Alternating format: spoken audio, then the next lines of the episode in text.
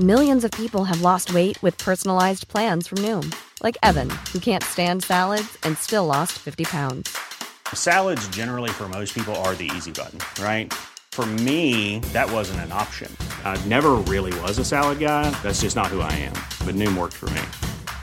Get your personalized plan today at Noom.com. Real Noom user compensated to provide their story. In four weeks, the typical Noom user can expect to lose one to two pounds per week. Individual results may vary.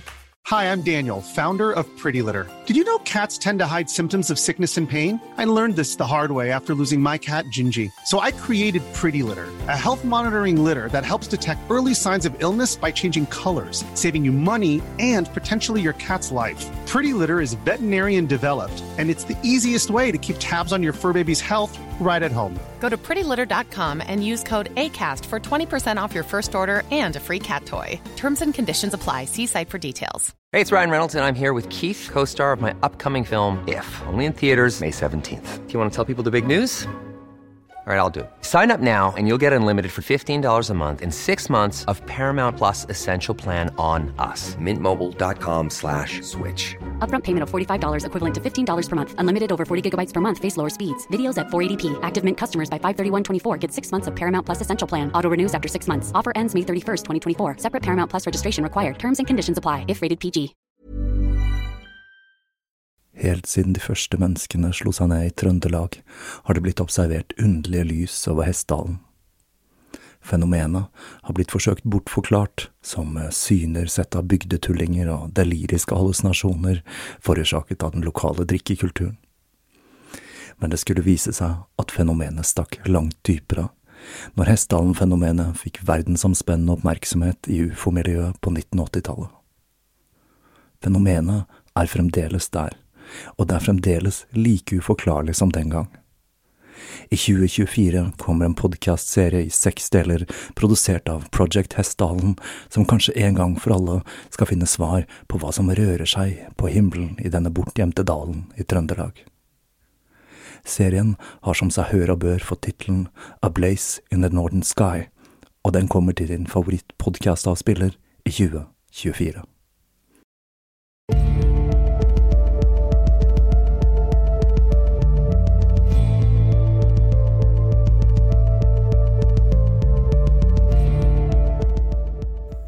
Hei og velkommen til Tåkeprat. Jeg heter Even, og når jeg tar opp denne episode 225, er det onsdag den 20. september 2023. Endelig var tiden inne for den tredje delen i sagaen om Nikola Tesla. Det tok litt lengre tid enn jeg hadde sett for meg, og jeg må si at det har fått meg til å tenke litt. Ved siden av podkasten jobber jeg jo i en 100% stilling, og det er ikke akkurat rolig kontorarbeid jeg driver med. Det er nok ingen realityserier som kommer opp mot det dramaet som foregår på barneskoler. Det kan jeg fortelle dere. Og støynivået jeg har gjennom en dag, får selv et gammelt metallhue som meg selv til å sitte igjen med øresus når dagen er over. Så jeg begynner å kjenne litt på at dette neppe går i lengden, og at jeg gjerne skulle trappet ned skole og økt på med podcasting, slik at jeg kunne gitt dere episoder litt hyppigere. Det har jo vært planen i en del år, for min del. Utfordringen med dette er selvsagt økonomisk. Her er det jo på sin plass å rette en stor takk til dere som støtter meg på Patrion eller på annet vis. Integriteten til tåkeprat har vært ekstremt viktig for meg hele veien. Men nå lurer jeg litt på om jeg kommer til å måtte svelge noen kameler for å kunne realisere drømmen om å arbeide mer med podcasting og mindre med bokstavbarn. Så i disse dager så sjekker jeg ut hvilke muligheter som er der ute for å kunne gjøre litt mer penger på podcasting. Jeg har absolutt ingenting spikret enda, så er det noen der ute som har noen ideer eller forslag, så tas det imot med takk. Jeg har allerede diverse støtteordninger, reklame og betalmur som alternativer. Så får vi se hvor jeg ender opp til slutt. Men én ting er sikkert. Det er at det jeg vil mest av alt, det er vel det Crowley kalte for sjelevilje, er å podkaste og produsere den beste og mest unike podkasten på norsk jord. Intet mindre der, altså. Men det var nok om den saken. Nå skal vi over på dagens tema og vår glade serbiske bartemann Nikola Tesla. I arbeidet med denne delen av historien snublet jeg virkelig over noen utfordringer når det gjelder det tekniske, og ikke minst rundt historikken rundt patentretten til de ulike innretningene til Tesla. Jeg kom ganske raskt fram til at dersom jeg skulle gå altfor dypt inn i den tematikken, så hadde dette blitt ganske tørre greier. Jeg håper iallfall jeg har lyktes med å holde den røde tråden festet til historien om mennesket Nikola Tesla. Så får vi se, da. Her har dere uansett den tredje delen i historien om livet og virket til Nikola Tesla.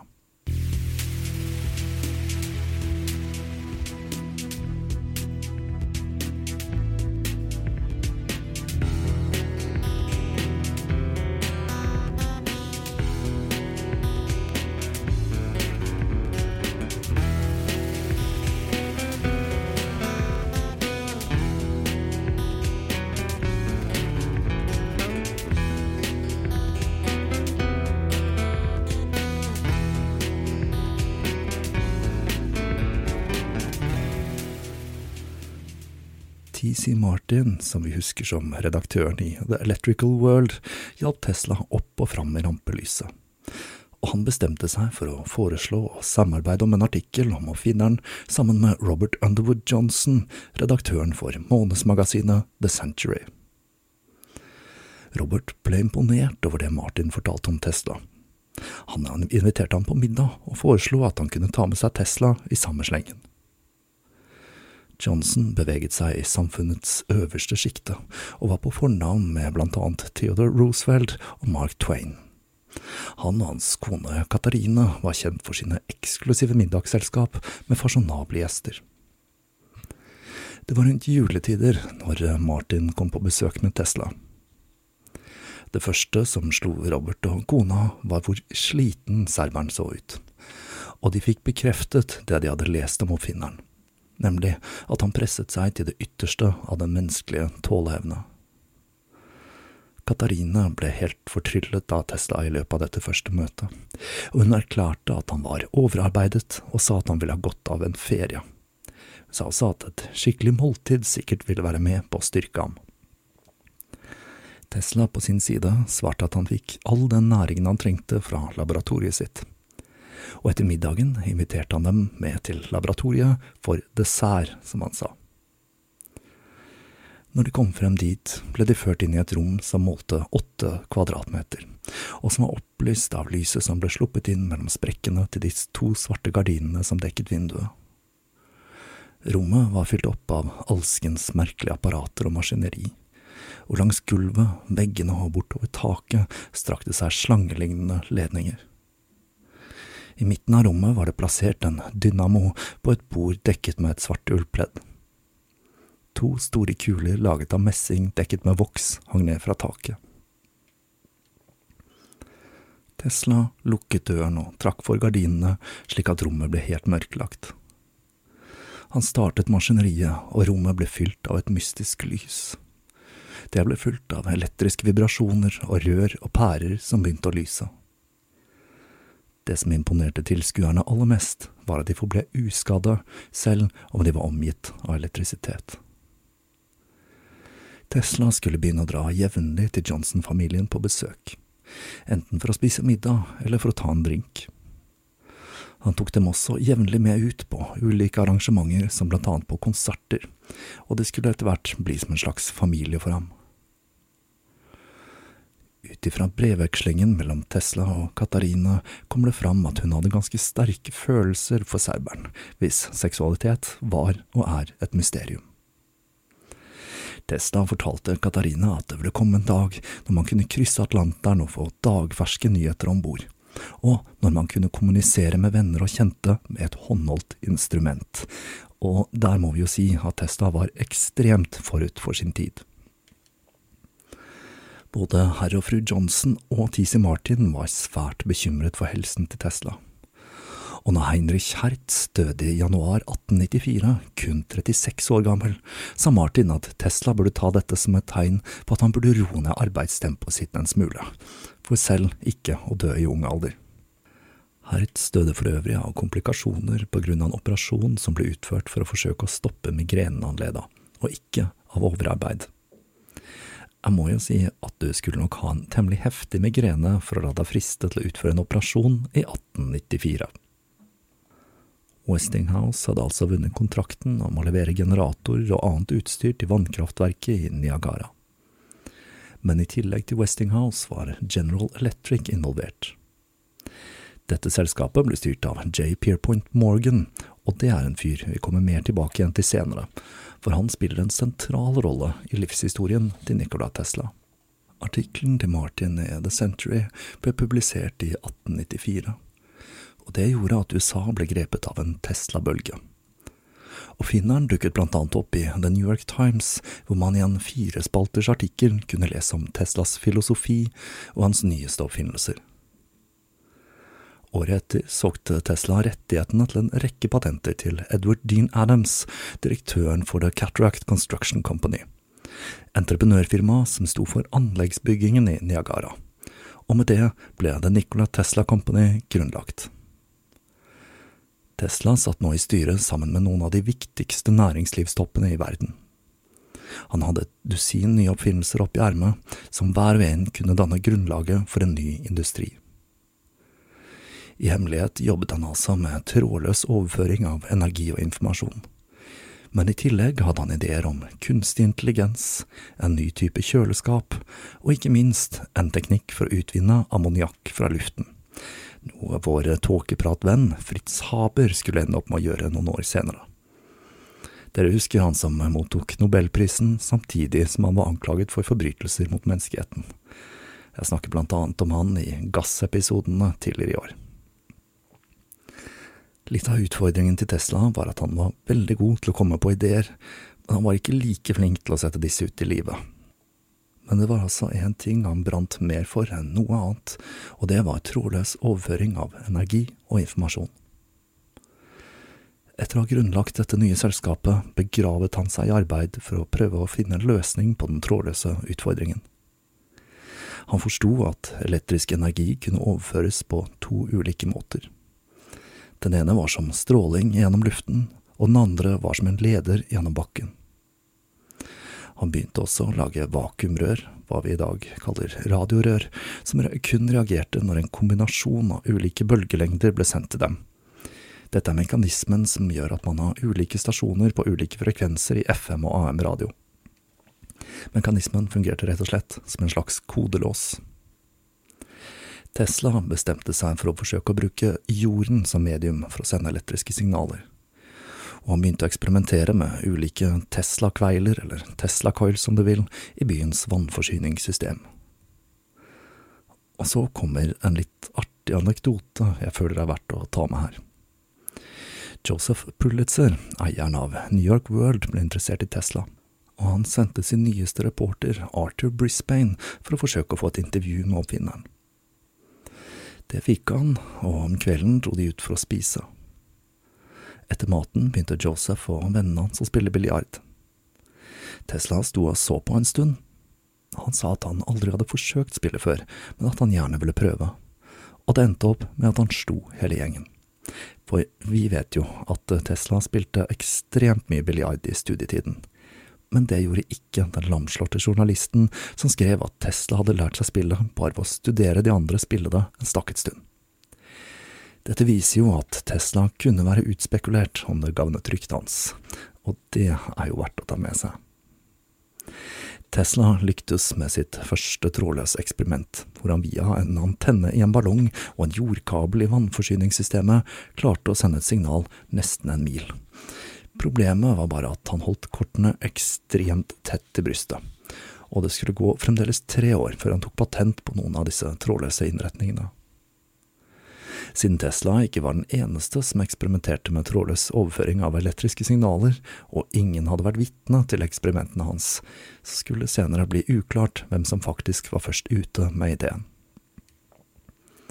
Tesla tenkte stort. Planen var å sende signaler til andre planeter og kommunisere med utenomjordiske elektrikere. Men det første skrittet på veien, det var litt mer beskjedent. Han skulle forsøke å sende meldinger fra laboratoriet sitt til en dampbåt på Hudsonelva. Men eh, så skjedde noe forferdelig. Den 13. mars 1895 brant laboratoriet hans ned. Hele etasjen det var i, kollapset og falt ned i etasjen under. Tesla ble ikke skadet, siden han var på hotellet når det skjedde, men dette var en tragedie. Laboratoriet til Tesla var et av de mest interessante stedene på jorda, og det var på mange måter et museum dedikert til Teslas årlange, intense arbeid. Tapet av laboratoriet var svært smertefullt for ham, og den psykiske påkjenningen var enorm men til tross for at han holdt på å skli inn i en depresjon, tvang han seg til å jobbe videre for å gjenoppbygge det han hadde tapt. Til tross for at Westinghouse og GE samarbeidet om vannkraftverket i Niagara, var de i konflikt over bruken av vekselstrømmotorer, siden GE produserte motorer til tross for at det var Westinghouse som eide patenten. GE hevdet til og med at det egentlig var de som hadde funnet opp systemet først. Westinghouse svarte med å få trykket annonser der det sto Westinghouse Electric and Manufacturing Company, de eneste eierne av Teslas polyfasesystem, mens GE på sin side hintet om at laboratoriet til Tesla hadde brent ned fordi Teslas motor var farlig. Men det stemte ikke. Sannheten er at brannen i bygget hadde startet i etasjen under, og den hadde mest sannsynlig begynt fordi nattevakten hadde vært uforsiktig når han røkte. Tesla hadde ikke forsikring, men det stoppet ham ikke. Han begynte å lete etter nye lokaler bare et par dager etter brannen, og fram til det fikk han låne laboratoriet til Edison i Levelin Park. De var altså ikke så bitre fiender som man skulle tro. Selv om pressen elsket å skrive om rivaleriet mellom de to, så ser det altså ut til at det kom relativt greit overens privat, og at de hadde en slags ironisk distanse til alle skriveriene i pressen. Etter hvert fikk Tesla seg et nytt lokale i Houston Street. Tesla spurte Westinghouse om hjelp til å komme seg på beina igjen, og han fikk tilsendt noe utstyr de hadde liggende igjen etter verdensutstillingen, sammen med et brev fra direktøren i Westinghouse, Samuel Bannister, der det sto at han var glad for å høre at Tesla ikke hadde gitt opp og forsøkte å komme seg på beina igjen. Men det skulle vise seg at det ikke bare var godvilje fra Westinghouse sin side. Alt utstyret som hadde blitt ødelagt i brannen, hadde Tesla nemlig lånt penger av Westinghouse for å lage, og nå krevde de å få tilbakebetalt lånet. I tillegg så ble han jaggu fakturert for det nye utstyret de hadde sendt ham også. Tesla og Edison var begge med på The National Electrical Exposition i mai, hvor Tesla forsøkte å slå den tidligere strømoverføringsrekorden i Frankfurt. Og det klarte han når han sendte vekselstrøm 80 mil, noe som var fem ganger så langt som hva som hadde blitt gjort på messen i Frankfurt. Edison bemerket at dette viste at det ville være mulig å transportere strømmen som skulle produseres i anlegget i Niagara, og Tesla på sin side sa at han nå var overbevist om at det ville være mulig å overføre strøm fra vannkraft over lange avstander til halve prisen av hva det kostet for energi produsert av kull. Det er jo verdt å tenke på hvor vanvittig det var med tanken på denne muligheten for å produsere vannkraft, nå som vi i dag lever i et land hvor vi i stor grad får energien vår fra nettopp denne energikilden. Og ja, jeg la inn den der pappavitsen her med vilje. GE begynte å innse at slaget om rettighetene til vekselstrømmotoren var i ferd med å bli tapt, når selv Edison lovpriste Tesla for hva han hadde oppnådd. Men Tesla selv var mest bekymret for penger, til tross for at Westinghouse tjente store penger på oppfinnelsene hans, så sluttet de ikke å sende regninger for utstyret som hadde gått tapt i brannen, så Tesla forsøkte å tenke nytt. Han begynte å eksperimentere for å finne ut om oscillatorene hans kunne ha helbredende evner, og pressen begynte å skrive om hvordan de var vitalitetsboostere som kunne helbrede all verdens sykdommer. Til og med tuberkulose kunne helbredes med strøm, kunne man lese. Tesla sa at han trodde strøm var essensielt for at han ikke hadde sklidd inn i en dyp depresjon etter laboratoriet hans brant ned, og en del av den daglige rutinen hans var å stille seg på en plate som sendte en jevn strøm av elektrisitet gjennom kroppen hans. Dette er bakteriedrepende, hevdet han. Selv om mye av dette selvsagt er pølsevev, så kan jeg ikke helt slå fra meg tanken om at elektrosjokkbehandling er noe som fremdeles brukes mot tung depresjon. Og det kan jo faktisk tenkes at Tesla, som jo var litt skjør i bollen, dro nytte av denne effekten. Uansett, i pressen var elektrisitet det nye universalmiddelet. Ikke bare kunne man henrette kriminelle med det, men man kunne også kurere all verdens sykdommer med strøm. 1895 var et tøft år for USA. Landet slet med å betale utenlandsgjelden sin, og president Cleveland spurte August Belmont, en jødisk forretningsmann, om han kunne ordne et lån med Rothschild-familien. Men dette falt ikke i god jord hos folk flest, siden antisemittismen i 1895 den var ganske omfattende, og tanken på at USA skulle falle i hendene på jødene, det var skremmende for mannen i gata. Det var grunnen til at Cleveland så seg nødt til å spørre JP Morgan om et lån. Og han klarte å sikre USA utenlandske gullreserver for 60 millioner dollar, og med det ble JP Morgan kjent som kongen av Wall Street. Julen kom, og Tesla ble invitert til Johnson-familien for å feire. Det skulle vise seg å bli en ganske intens affære, da Katarina knapt klarte å styre tiltrekningen til sin til oppfinneren. Med en gang mannen hennes forlot rommet, satte hun seg nærmere han og begynte å snakke om hvordan hun hadde et telepatisk bånd til ham.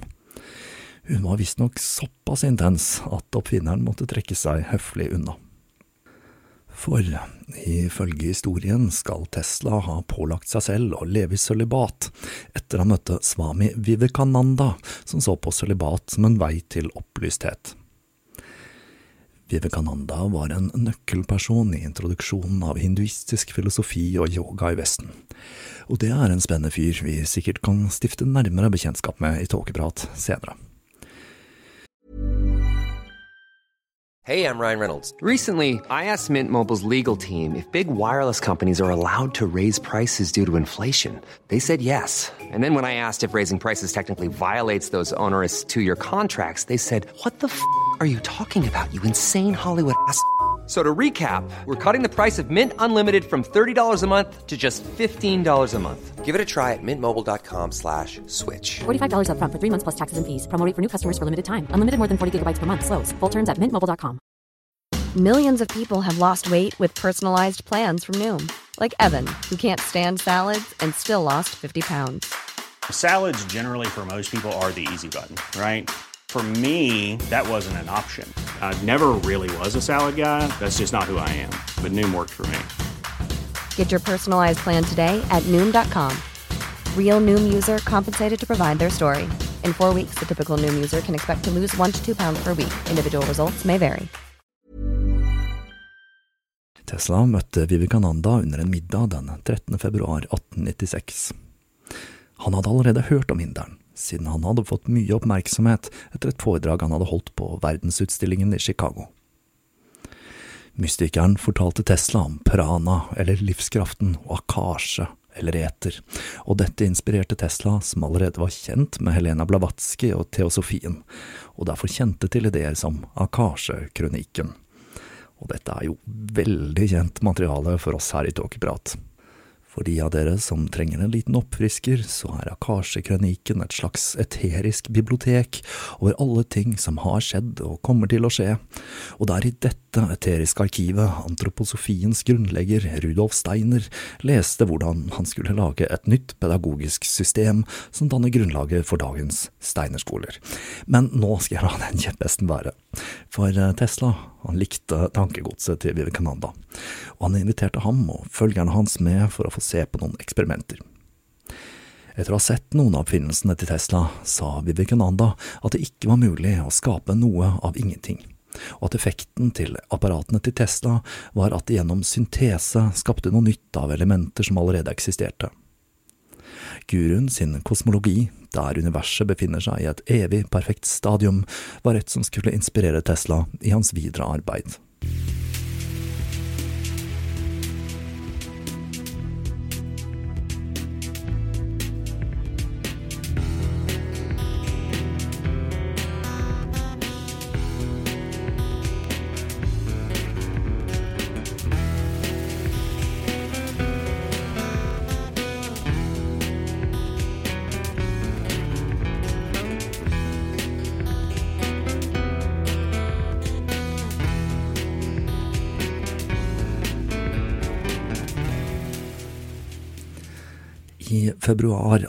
1896 dro Tesla til Colorado for å se etter et nytt potensielt sted for et nytt laboratorium. Mens han var der, benyttet han anledningen til å gjennomføre et eksperiment hvor han sendte en sang gjennom jorden til den andre siden av et fjell. Når eh, Tesla fortalte pressen om suksessen, utelot han å forklare at energien han hadde brukt i overføringen, kom fra en av oscillatorene hans, og det fikk det til å virke som om han hadde funnet en måte å utnytte en hittil ukjent energi i selve jorden. Enda en ting der, altså, som gjorde at ryktet om at Tesla hadde funnet en gratis energikilde, fikk bein å gå på. Like før nyttår ble den vitenskapelige verden rystet i grunnvollene når Wilhelm Røntgen oppdaget en frem til da ukjent energiform, nemlig røntgenstråling. Alle som var noe i fysikkens verden, kastet seg over dette nye fenomenet som gjorde det mulig å fotografere bein og indre organer i levende vesener. Tesla skrev hele ni artikler om røntgenstråling i løpet av de to neste årene, og disse artiklene la grunnlaget for hans senere eksperimenter med partikkelstråler. Og han hadde en idé som senere skulle dukke opp i kvantefysikken, nemlig at energi kan uttrykkes som partikler og bølger. Han så også muligheten for at elektronene kunne deles i mindre enheter, og filosoferte om at røntgenstråling var et slags mellomstadium mellom materie og eter, eller akasje, da, om du vil. Det er klart at det var noe spennende med denne nye strålingen, og Tesla utførte en rekke eksperimenter, noe som gjorde at han ble syk, fikk brannskader og blemmer, men at det var direkte relatert til strålingen han utsatte seg for, var ikke klart for ham. Edison begynte også å eksperimentere med røntgen, og han forsøkte å finne ut om strålingen kunne brukes til å kurere blindhet, siden blinde personer som ble utsatt for høy røntgenstråling, kunne se flekker av lys. Etter enda en julefeiring hos eh, Johnson-familien og enda flere amorøse framstøt fra Katarina, var tiden inne for å markere starten på arbeidet med vannkraftverket i Niagara. 350 av de mest innflytelsesrike forretningsmennene i landet hadde dukket opp i Elcott Club i Buffalo for å høre Tesla, den mest innflytelsesrike oppfinneren på jorda, tale. Når han gikk opp på podiet, ble han mottatt til en rungende applaus. Men når han startet talen, gjorde han det på en svært så selvnedlatende og destruktiv måte. Han sa, Jeg har så vidt hatt mot nok til å tale til en menneskemengde ved noen få uunngåelige anledninger. Selv nå mens jeg snakker, vil de flyktige forestillingene dere har om meg forsvinne, og jeg vil føle de vanlige følelsene av ensomhet, kulde og stillhet. Jeg kan allerede se deres skuffede uttrykk, og i dem kan jeg lese anger over deres valg. Dette var jo litt av en måte å åpne en tale på i et arrangement som var i hans ære, og i hva som var den største kommersielle suksessen han hadde oppnådd frem til da. Hvorfor han valgte å underminere sin egen betydning i arbeidet med vannkraftverket, er det ikke så lett å si, men han fortsatte talen med å hylle alle de andre involverte. Det kan tenkes at Tesla syntes det hele var litt banalt, for for ham så var kraftverket bare det første steget i en langt større plan som skulle løfte hele menneskeheten inn i en ny æra. I løpet av 1896 fikk Tesla innvilget åtte ulike patenter relatert til trådløs overføring. Dette dreide seg stort sett om ulike oscillatorer som kunne lage høye frekvenser. Han begynte også å jobbe med et system som skulle perfeksjonere såkalt telefotografi. Som dere husker, så viste Elisha Gray fram en maskin som kunne overføre autografer på verdensutstillingen i Chicago. For eh, sommeren 1896 hadde konkurransen om å være den første som fikk overført bilder, strammet seg til. Edison erklærte at han kom til å markedsføre en autografisk telegraf som skulle kunne overføre 50 cm med tekst i minuttet, noe pressen naturlig nok var veldig interessert i. Tesla, på sin side, han forsøkte å overgå Edison med en litt mer esoterisk idé om at han snart ville være i stand til å overføre bilder direkte fra netthinnen til et menneske. Mens Tesla forsøkte å være raskere ute enn Edison med overføring av bilder, gjorde hans unge rival, Guglielmo Marconi, fremskritt innen trådløs overføring av informasjon. Og i motsetning til Tesla, så klarte han å demonstrere at teknikken hans virket for andre enn ham selv. Tesla klødde seg litt i hodet over suksessen til Marconi, for Marconi påsto at han brukte en innretning Hertz hadde konstruert. Et apparat Tesla visste hadde en rekke svakheter, og i 1897 skrev han til advokaten sin at han mistenkte Marconi for å ha kopiert hans systemer. Marconi jobbet med Lloyds i London for å sende morse mellom land og skip. Han hadde lyktes med å sende et trådløst signal alt i 1896, men han hadde fått avslag på denne patenten da den ikke var original, siden Tesla allerede hadde en slik en.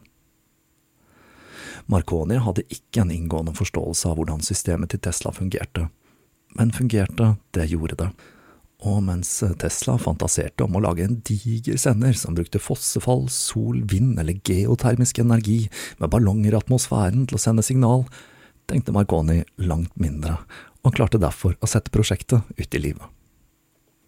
Lloyds hadde forsøkt å få til et samarbeid med Tesla, og han hadde blitt tilbudt muligheten til å sette opp et trådløst system i forbindelse med et båtrace, men Tesla nektet.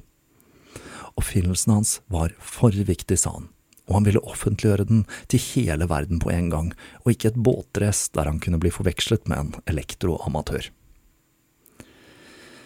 Den 6. april 1897 holdt han et foredrag ved New York Academy of Sciences, hvor han la frem sin nye visjon. Han ville bruke selve jorden til å overføre signaler med gigantiske oscillatorer, fortalte han forsamlingen. Og så kneppet han stormannsgalskapen opp et par hakk, for han sa. Hvis jeg laget en eksplosjon i midten av en ball med vann, ville den begynne å vibrere. Om jeg så hadde festet en pumpe som begynte å vibrere i resonans med vibrasjonene, kunne jeg ved hjelp av veldig lite energi få ballen til å sprekke. Tesla sa altså indirekte at han hadde et slags dommedagsvåpen som kunne få hele jordkloden til å sprekke som en ballong fylt med vann. I tillegg sa han at han var sikker på at metoden hans var den de i framtiden kom til å bruke til å kommunisere med andre planeter. Mens eh, Tesla fabulerte om å bruke hele jordkloden til å snakke med Mars, klarte Marconi å sende morse trådløst. Det var bare 50–60 meter, det var litt mer beskjedent, men han klarte det jo faktisk, selv om det var med Teslas metode og utstyr han gjorde det. Lloyds var altså oppgitt over at Tesla nektet å vise fram utstyret han hadde, mens Tesla for sin del tenkte veldig stort. Han ville overføre energi i tillegg til informasjon, og han var overbevist om at dette systemet også kunne brukes til å kontrollere været, og at det var altså et potensielt dommedagsvåpen. Senere fortalte han litt ulike historier om hvordan han hadde fått en bygning i Manhattan til å resonnere og vibrere ved hjelp av en oscillator han hadde plass til i lommen. Den eneste grunnen til at eh, bygningen ikke hadde kollapset, sa han, var at han hadde slått oscillatoren i stykker med en hammer før det var for seint, i hvert fall i den ene versjonen av historien. Han sa også at han enkelt kunne få hele Brooklyn Bridge til å kollapse på under en time, og igjen at han kunne få jorden til å sprekke med samme teknikk. Han sa, dette kommer til å ta litt tid, litt over et år, men etter et par uker ville jeg kunne få jordskorpen til å vibrere så kraftig at den ville ødelegge den menneskelige sivilisasjonen. I denne perioden var Tesla relativt velstående, men med hans stormannsgale planer hadde han ikke nok penger. For å gjennomføre planen om et globalt informasjons- og energisystem trengte han enorme beløp, og til tross for at Westinghouse håvet inn på oppfinnelsene hans, ble det snart klart at de ikke hadde noen planer om å utbetale Tesla mer enn hva som opprinnelig hadde blitt avtalt. Men selv om han hadde mange spreke ideer, så satte han faktisk noen av dem ut i livet. En av de virkelig store oppfinnelsene hans var en fjernstyrt båt han døpte Teleautomaten. Den ble vist fram på den elektriske utstillingen i Madison Square Garden i 1898. Denne teleautomaten demonstrerte flere prinsipper som kom til å bli flittig brukt i årene som kom, og den var nok hva vi må kunne kalle den første radiostyrte dingsen.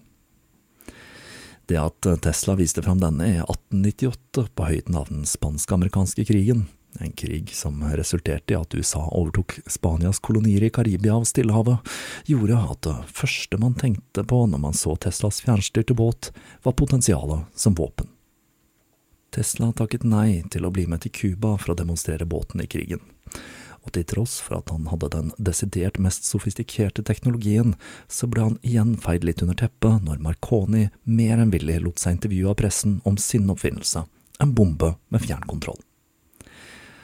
Som vanlig tenkte Tesla veldig stort, og han fortalte hvordan han så for seg en verden der kriger ble utkjempet av maskiner og ingen menneskeliv trengte å gå tapt. Må jeg si at Tesla begynner å minne mer og mer om en karakter fra fiksjonen til HG Wells. Til slutt fikk hans gamle venn TC Martin nok, og han skrev en litt syrlig artikkel i The Electrical World, for han skrev at han som en venn følte det som en plikt å be Tesla fullføre oppfinnelsen han hadde på tegnebordet. Han skrev at han beundret arbeidet til Tesla, men med påstander som om en fjernstyrt flymaskin som kunne eksplodere med tankens kraft og aldri bommet, hadde han strukket strikken litt for langt. Dette satte Martin i en litt kinkig situasjon, for han var også en god venn av Edison, som jo var Teslas eh, rival, og han så seg nødt til å skrive ærlig om arbeidet til andre utfordrere, som Marconi. Det at Tesla levde langt over evne, var et stadig irritasjonsmoment, det samme var det at han aldri fullførte prosjektene sine.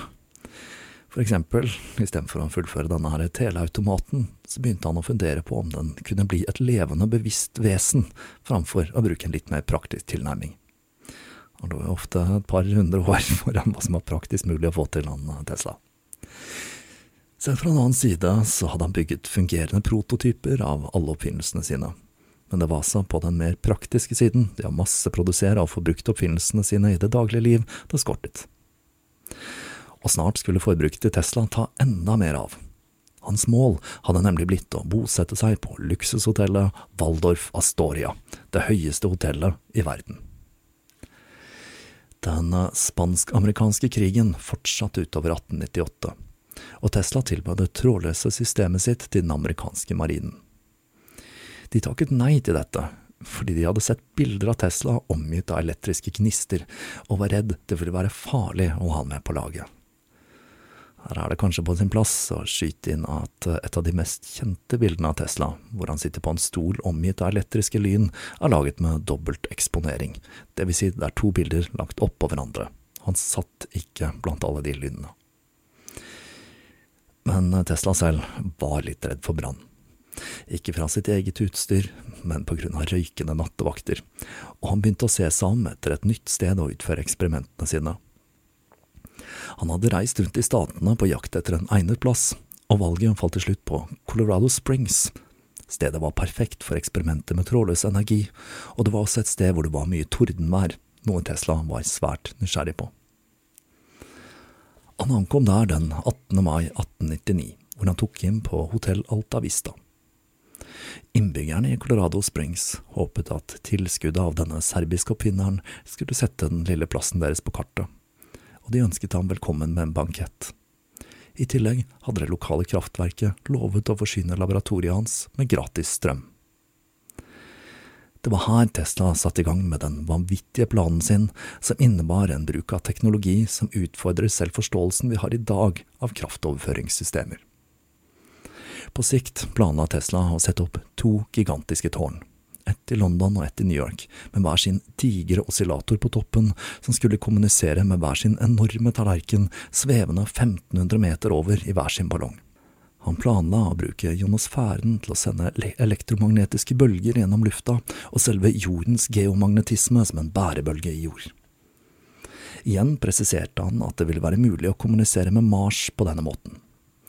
Mars var skikkelig i vinden på denne tiden, og det hjalp sikkert ikke noe særlig at den tidligere nevnte HG Wells hadde publisert sin War of the Worlds året før. Vitenskapelige tidsskrifter debatterte heftig om hvordan man kunne tenkes å kommunisere med Mars, for eksempel ved å lage enorme symboler med planter, eller med å blinke med digre speil. Denne prototypen av Teslas kommunikasjonstårn var en lovlignende bygning. 18 meter bred og 5,5 meter høy, med en 60 meter høy antenne med en pæreformet topp som kunne justeres i ulike høyder. Bygget var jordet i en 3,5 meter dyp brønn og forankret i en messingplate. Alle eksperimentene han gjorde i Colorado Springs ble nøye loggført i notatboken hans, som ikke ble gjenoppdaget før på 50-tallet. Tesla satte i gang med å måle de elektriske egenskapene til selve jordkloden. Det første store gjennombruddet kom den 4. juli, når det kom et ekstremt tordenvær med mellom 10 og 12 000 lynnedslag på to timer. Når stormen hadde passert, kunne Tesla ved hjelp av utstyret sitt fremdeles høre lynnedslagene når de slo ned 16 mil unna, og det tok han som en bekreftelse på at metoden hans fungerte. Elektriske signaler kunne overføres over lange avstander. Og så skjedde det noe han hadde forberedt seg på i et tiår. Han fortsatte å lytte etter lynnedslag, lenger og lenger vekke. Ved et tilfelle klarte han å fange opp et tordenvær hele 80 mil unna. Men så hørte han noe underlig. Det var et periodisk signal. Det var ikke før en stund etter han hadde hørt det, det gikk opp for ham at det måtte være en intelligent skapning som sto bak signalet. Han hadde oppnådd kontakt.